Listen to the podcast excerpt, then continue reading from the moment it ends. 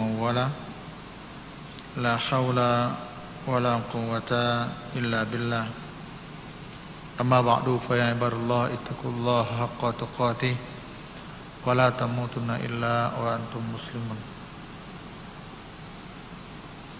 Hadirin jamaah kaum muslimin yang berbahagia Kita lanjutkan surah Al-Qasas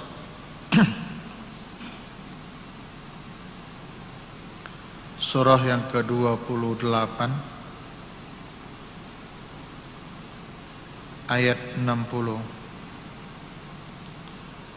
A'udzu billahi minasy syaithanir rajim Bismillahirrahmanirrahim. Wa ma utitum min syai'in famata'ul hayatid dunya فمتاع الحياة الدنيا وزينتها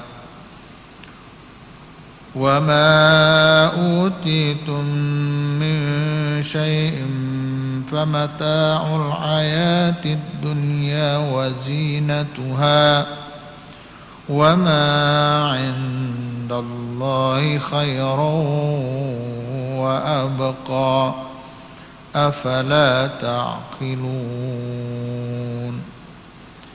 أفمن وعدناه وعدا حسنا فهو لاقيه كمن متعناه متاع الحياة الدنيا ثم هو يوم القيامة من المخضرين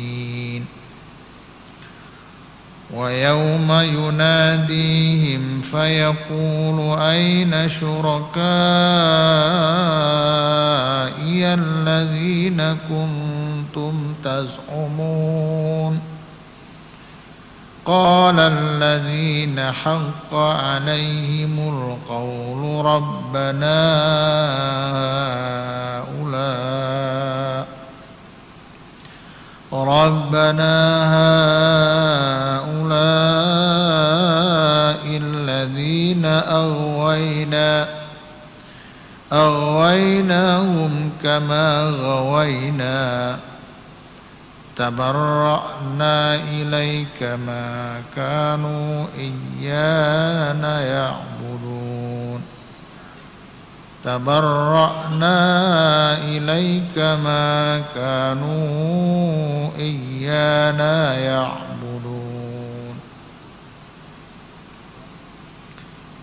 وقيل دعوا شركاءكم فدعوهم فلم يستجيبوا لهم ورأوا العذاب لو أن أنهم كانوا يهتدون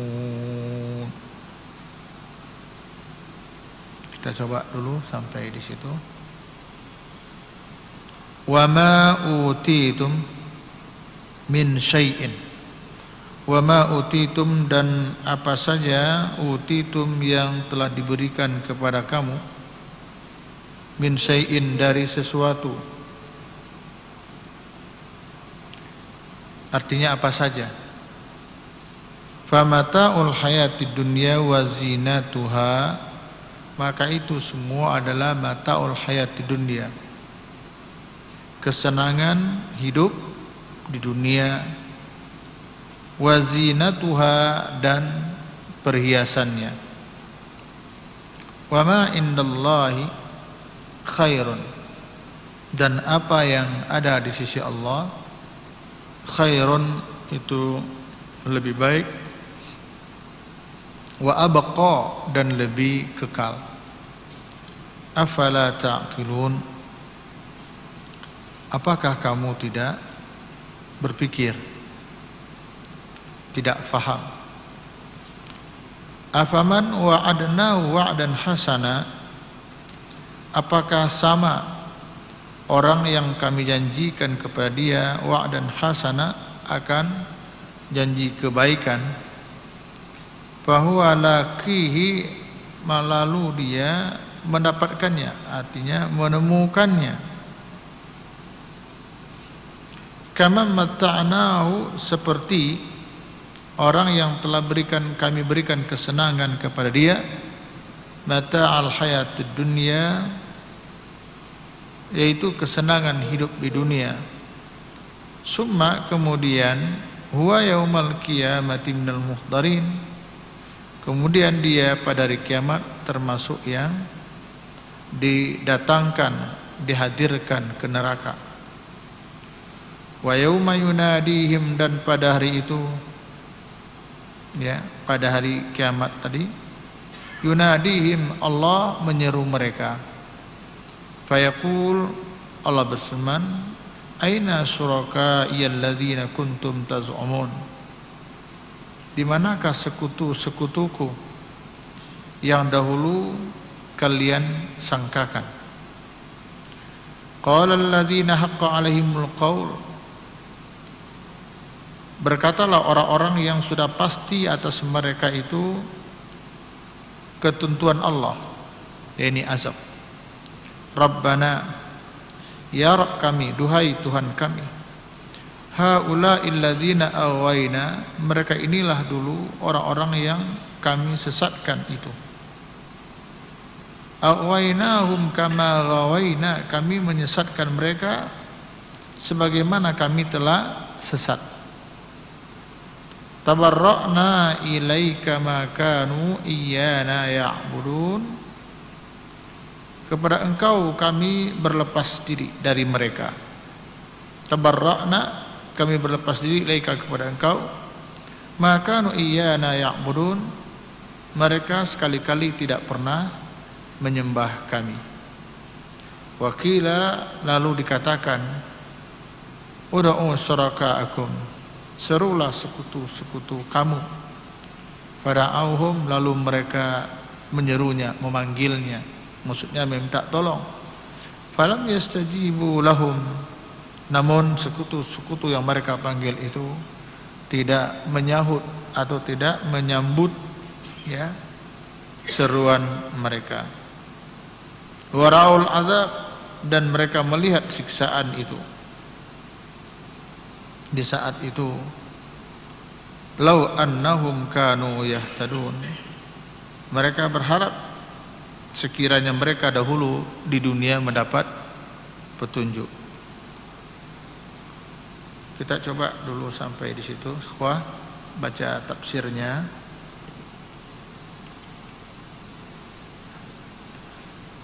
Wa ma utitum min syai'in dan apa pun yang kami berikan kepada kamu semasa hidup di dunia ini apa saja? Ya harta ya kedudukan jabatan. Ada yang dikenal tiga tak itu ya. Tahta harta wanita. Ini yang populer. Itulah yang selalu membuat manusia kelpek-kelpek gitu. Yang nggak kuat menghadapi salah satu dari yang tiga ini apalagi kalau ketiga-tiganya. Yaitu harta ya tahta dan wanita. Apa pun wa ma utitum min syai'in apa pun yang kami berikan atau yang telah diberikan kepada kamu famata'ul dunya maka itu semuanya adalah kesenangan hidup di dunia. Wazinatuha dan segala perhiasan bagian dari gemerlapnya kehidupan itu yaitu Wa ma indallahi khairun wa abqa. Dan apa yang ada di sisi Allah itulah yang lebih kekal. Dan lebih baik dan lebih kekal. Afala ta'qilun. Apakah kamu tidak berfikir? Apakah kamu tidak faham? Di dalam tafsir disebutkan begini, ikhwah. Wa ma u'titum ayyuhan nas min syai'in minal amwali wal aulad fa inna ma huwa mata'un tatamatta'una nabi fil hayati dunya wa tatazayyanu nabihi fiha. Dikatakan tafsirnya, wa ma u'titum ayyuhan nas min syai'.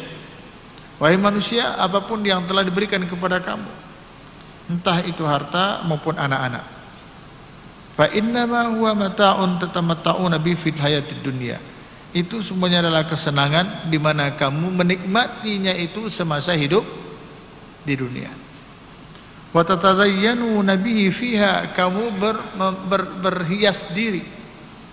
Ya, berelok-elok, mempercantik diri. Pokoknya segalanya Masya Allah gitu kan. Tapi wa huwa la yughni ankum syai'an 'inda rabbikum. Namun semuanya itu tidak akan bisa menolong kamu sedikit pun kelak di umal kiamat. Ya sedikit pun tidak bisa. Kenapa? Karena nanti di umal kiamat itu disebutkan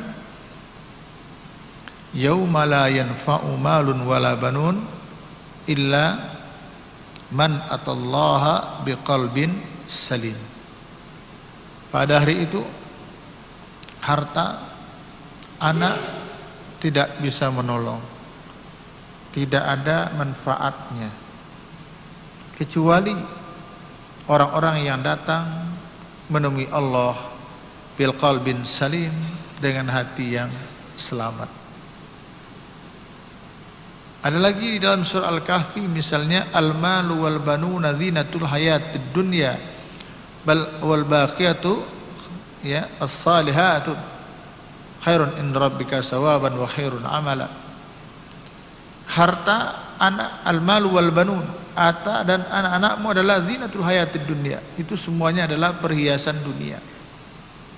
Semuanya itu menjadi alat untuk kamu bermegah-megah fatafakhurum bainakum fil amwali wal audad kamu bermegah-megah ya berlomba-lomba berkompetisi dalam hal yang dua ini harta dan anak turunan itu. Tapi wal baqiyatus salihat. Tapi yang kekal kata Allah ada as-salihat amal saleh. Tidak dilarang punya harta tidak dilarang punya anak malah disuruh kita apa disuruh punya anak, disuruh punya turunan, disuruh punya harta. Untuk apa? Mudah-mudahan ini nanti anak dan harta ini bisa menolong kita bukan saja semasa hidup di dunia, tetapi juga nanti di akhirat kelak. Kalau hanya punya dalam arti duniawi, tidak ada orientasi akhiratnya, maka yang banyak punya anak pun itu enggak lebih baik dari orang mandul. Kalau banyaknya itu dalam arti orientasinya duniawi, ya banyak harta sekalipun itu tidak lebih baik dibandingkan orang miskin. Jadi anak, harta dan lainnya semuanya harus dijadikan untuk bekal kita kelak di umal kiamat. Ikhwah, di dalam sebuah hadis dikeluarkan oleh Imam Ahmad di dalam kitab Musnadnya Rasulullah sallallahu alaihi wasallam bertanya kepada para sahabat di kala itu. Tentu saja eh, pertanyaan ini awalnya dianggap mudah dijawab, tetapi pada akhirnya enggak kejawab. Dikatakan begini kata Nabi sallallahu alaihi wasallam itu masalah anak. Atadruna marrukub Kata Rasul kepada para sahabat, tahukah kalian siapa itu orang yang mandul? Qalu ar-ruku orang yang mandul itu adalah alladzi laisa lahu waladun. Orang yang tidak memiliki anak. Mungkin kalau dalam bahasa sederhananya kalau laki-laki tidak bisa memberikan bibit sementara perempuan tidak bisa membuai berarti ini adalah orang mandul. Kalau ada pernah hamil meninggal itu kan tidak mandul namanya. Jadi sahabat menjawab orang mandul adalah orang yang tidak punya anak. Ikhwah Nabi mengaku itu mandul memang. Tapi ada mandul versi lain. Apa kata Nabi? Ar-rukub kullur rukubi alladhi lahu waladun. Orang yang mandul kata beliau sallallahu alaihi wasallam dia punya anak. Famata wa lam yuqaddim minhu syai'a namun ketika dia meninggal dunia dia tidak mendapatkan kebaikan dari anak yang ditinggalkan itu. Coba jadi kan subhanallah ini. Logikanya apa? Kalau ada orang mandul nanti di umal kiamah dia tidak mendapatkan apa-apa dari jalur turunan wajar. Karena dia tidak pernah merasa betapa beratnya di saat hamil apalagi harus mengadu nyawa di saat akan melahirkan. Hamalathu ummuhu wahnan ala wahnin wa fisalu fi amain kata Allah. Berat sekali di saat hamil. Tambah lagi beratnya di saat melahirkan. Plus nanti menyusui. Berat itu. Kalau dibawa ke alam kita hari ini ketika melahirkan nggak sedikit biayanya, apalagi kalau harus sesar misalnya. Belum lagi biaya kesulitan ya untuk mendidik dan membesarkannya. Coba kita bapak-bapak pengen misalnya mendapatkan anak ini sekolahnya yang bagus, agamanya juga bagus, kalau dulu masukkan ke pesantren ringan biayanya, sekarang masuk pesantren seperti apa? Kalau pesantren-pesantren yang bagus yang kita harapkan ada yang uang masuknya 50 juta, per bulannya 5 juta. Banyak yang seperti itu, 30 juta. Ayo. Ya. Nah, orang yang mandul tidak pernah mengalami hal itu. Tidak pernah dia mengalami kesulitan demi kesulitan berat-beratnya dalam membenar membesarkan anaknya, mendidik anaknya. Jadi kalau di kiamat tidak dapat apa-apa, ya wajar. Ya, wajar. Ibaratnya sawah, ketika orang panen raya, dia nggak panen raya, nggak apa-apa. Orang nggak punya sawah, nggak pernah kerja di sawah. Jadi kalau orang pandai ya dia tidak ya wajar aja logis memang. Tapi bagaimana keadaannya jika ibu ini bapak ini punya anak entah berapa kali melahirkan dia merasakan betapa pahit getirnya mendidik menyekolahkan anaknya Hari ini mungkin yang terberat bagi kita bukan hanya memberi makan, pakaian, sandang pangan kepada anak. Tapi mendidiknya untuk kembali kepada manusia yang seseutuhnya itu yang sulit. Banyak hal yang dihadapi oleh mereka di lapangan. Luar biasa. Dan setan gepeng ini adalah satu ya, pemangsa yang siap memangsa anak kita. Jadi kita sudah merasakan betapa sulitnya semuanya kita lewati. Kalau istri melewati masa hamilnya, melahirkannya, menyusuinya, mendidiknya, terus sama juga kita demikian. Biaya semuanya kita penuhi. Tapi nanti di umal kiamah kita nggak dapat apa-apa. Anak yang kita besarkan tidak menjadi anak yang saleh Mana yang lebih menderita ikhwah? Orang yang seperti itu atau orang yang memang secara duniawi tidak mendapatkan anak. Ibu saya Allah yarhamuha dan bapak saya Allahumma yarhamuhu. Semoga Allah merahmati mereka berdua. Udah meninggal dunia. Ibu saya itu ya, Delapan kali melahirkan Pak. Kebayang oleh Bapak, delapan kali hamil, delapan kali melahirkan. Kalau bahasa kampungnya Pak, kalau bahasa bengkelnya, delapan kali turun mesin.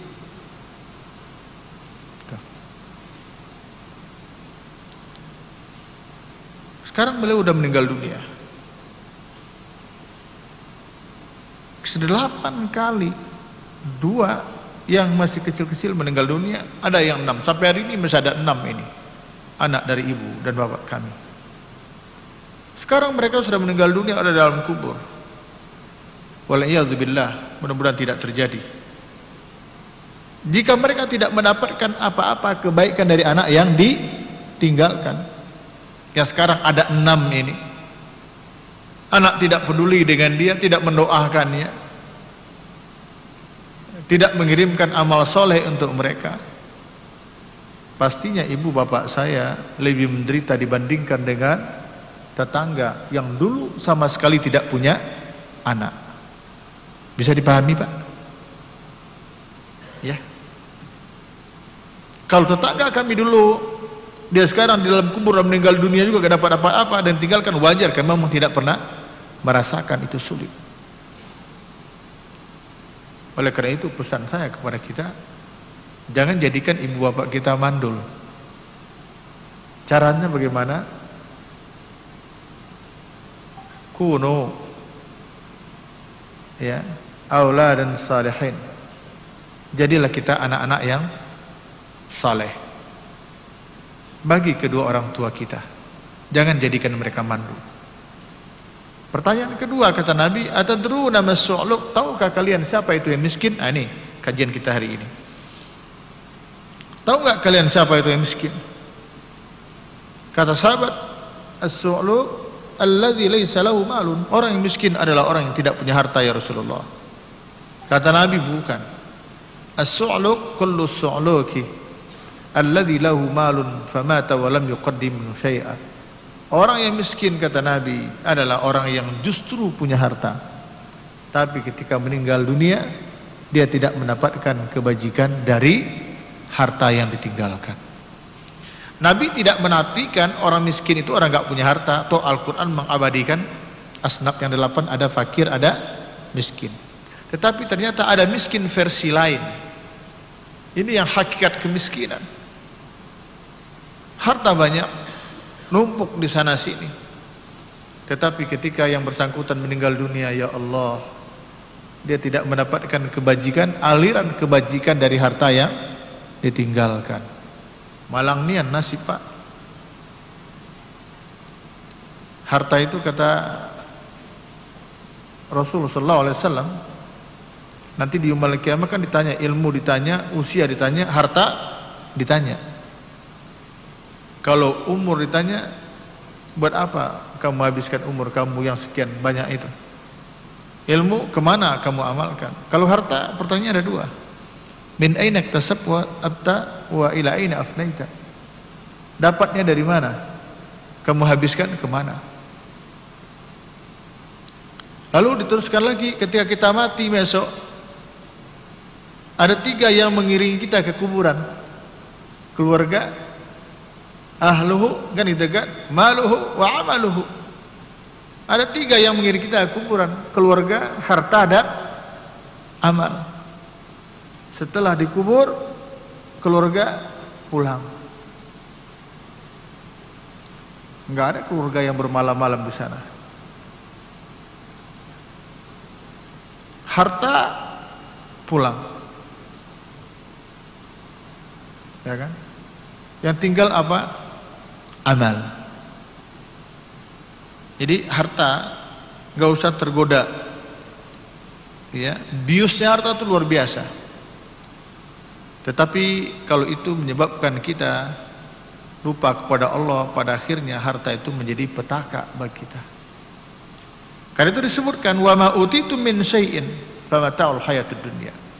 Apa pun yang Allah berikan kepada kamu sifatnya itu adalah kesenangan dunia belaka ya.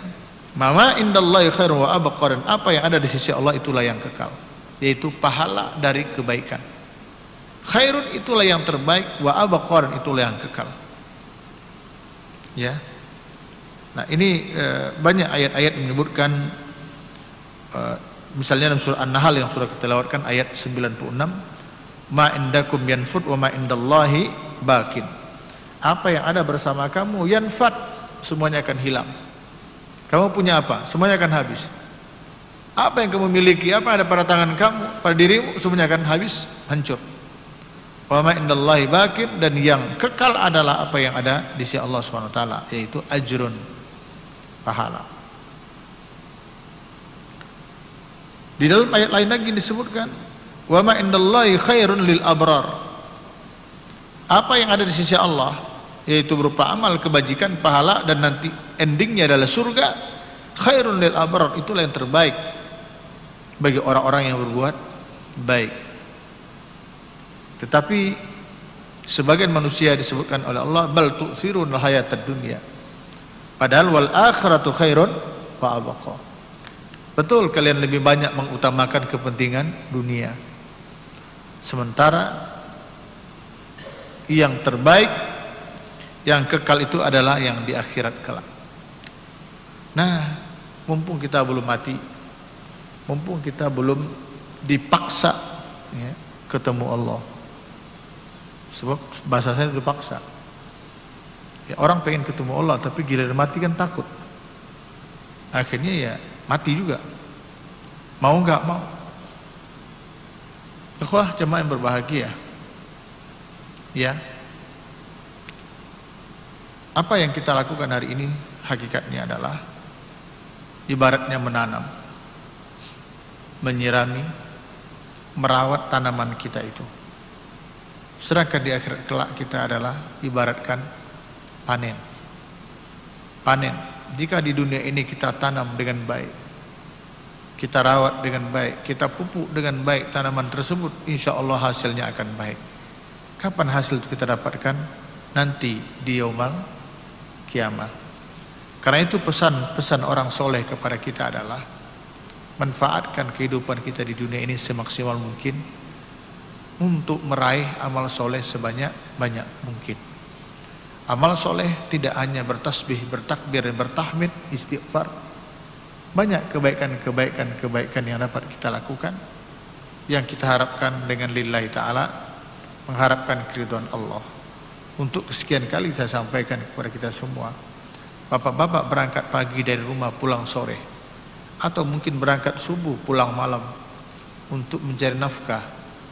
Di jalan kebaikan di jalan yang tidak menyalahi syariat dan kepergian bapak dari rumah itu dengan ikhlas lillahi ta'ala insya Allah apa yang kita lakukan setelah itu sampai kita pulang kembali itu pun juga bagian dari amal saleh jadi amal soleh yang kita katakan di sini tidak hanya amal soleh dalam arti ya amal soleh dalam arti apa? Ya puasa zakat gitu aja. Impak sedekah bukan hanya itu. Kenapa? Mencari nafkah itu adalah kewajiban. Tadi kita tidak wajib memberi ini orang makan. Tetapi setelah ijab kabul kita dianggap sah oleh para saksi, maka mulai dari detik itu mbak ini, ibu ini ya menjadi kewajiban kita untuk memberikan nafkah. Apa mana wajib dikerjakan berpahala, tidak dikerjakan berdosa? Wajib itu eh, apa konteksnya adalah ibadah. Karena itu mencari rezeki itu adalah ibadah.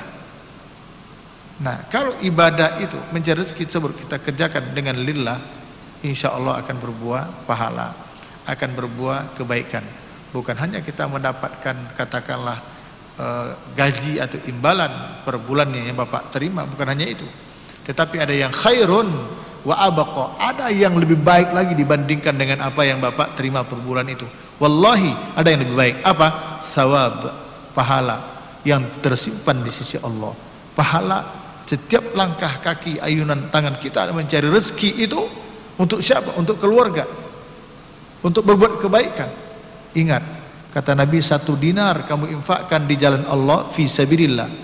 Satu dinar kamu berikan ke istrimu. Kau kalau istilahnya ditaruh ke mulutnya, maksudnya untuk nafkah dia. Itu yang satu dinar untuk keluarga jauh lebih besar pahalanya dibandingkan untuk fi sabilillah. Tetapi tentu saja ikhwah, setiap gerak-gerik kita apalagi mencari nafkah ini diawalilah dengan lillah kita Allah. Sekali lagi, jika Bapak berbahagia dengan gaji yang didapatkan dari PT Telkom, ini misalnya setiap bulan sekian, berbahagialah. Tetapi ada kebahagiaan yang lebih dari itu nanti, yakni khairun wa ma indallahi khairun wa abaqa. Pahala yang tersedia di sisi Allah, dampak dari pekerjaan kita tadi itu jauh lebih baik dan lebih abadi. Mudah-mudahan itu menjadi motivasi bagi kita untuk senantiasa terus berkarya melahirkan amal soleh. Jika Bapak bekerja di perusahaan ini, ya berbuatlah amal soleh di perusahaan ini. Jika kita pulang ke habitat kita, ke lingkungan kita, berbuat pula amal soleh di lingkungan kita. Ala kulihal di mana pun kita berada, biasakan diri melahirkan amal soleh. Paling tidak tersenyum kepada sesama. Subhanakallahumma bihamdika. Asyhadu an la ilaha illa anta astaghfiruka wa. Walhamdulillahirabbil alamin. Assalamualaikum warahmatullahi wabarakatuh.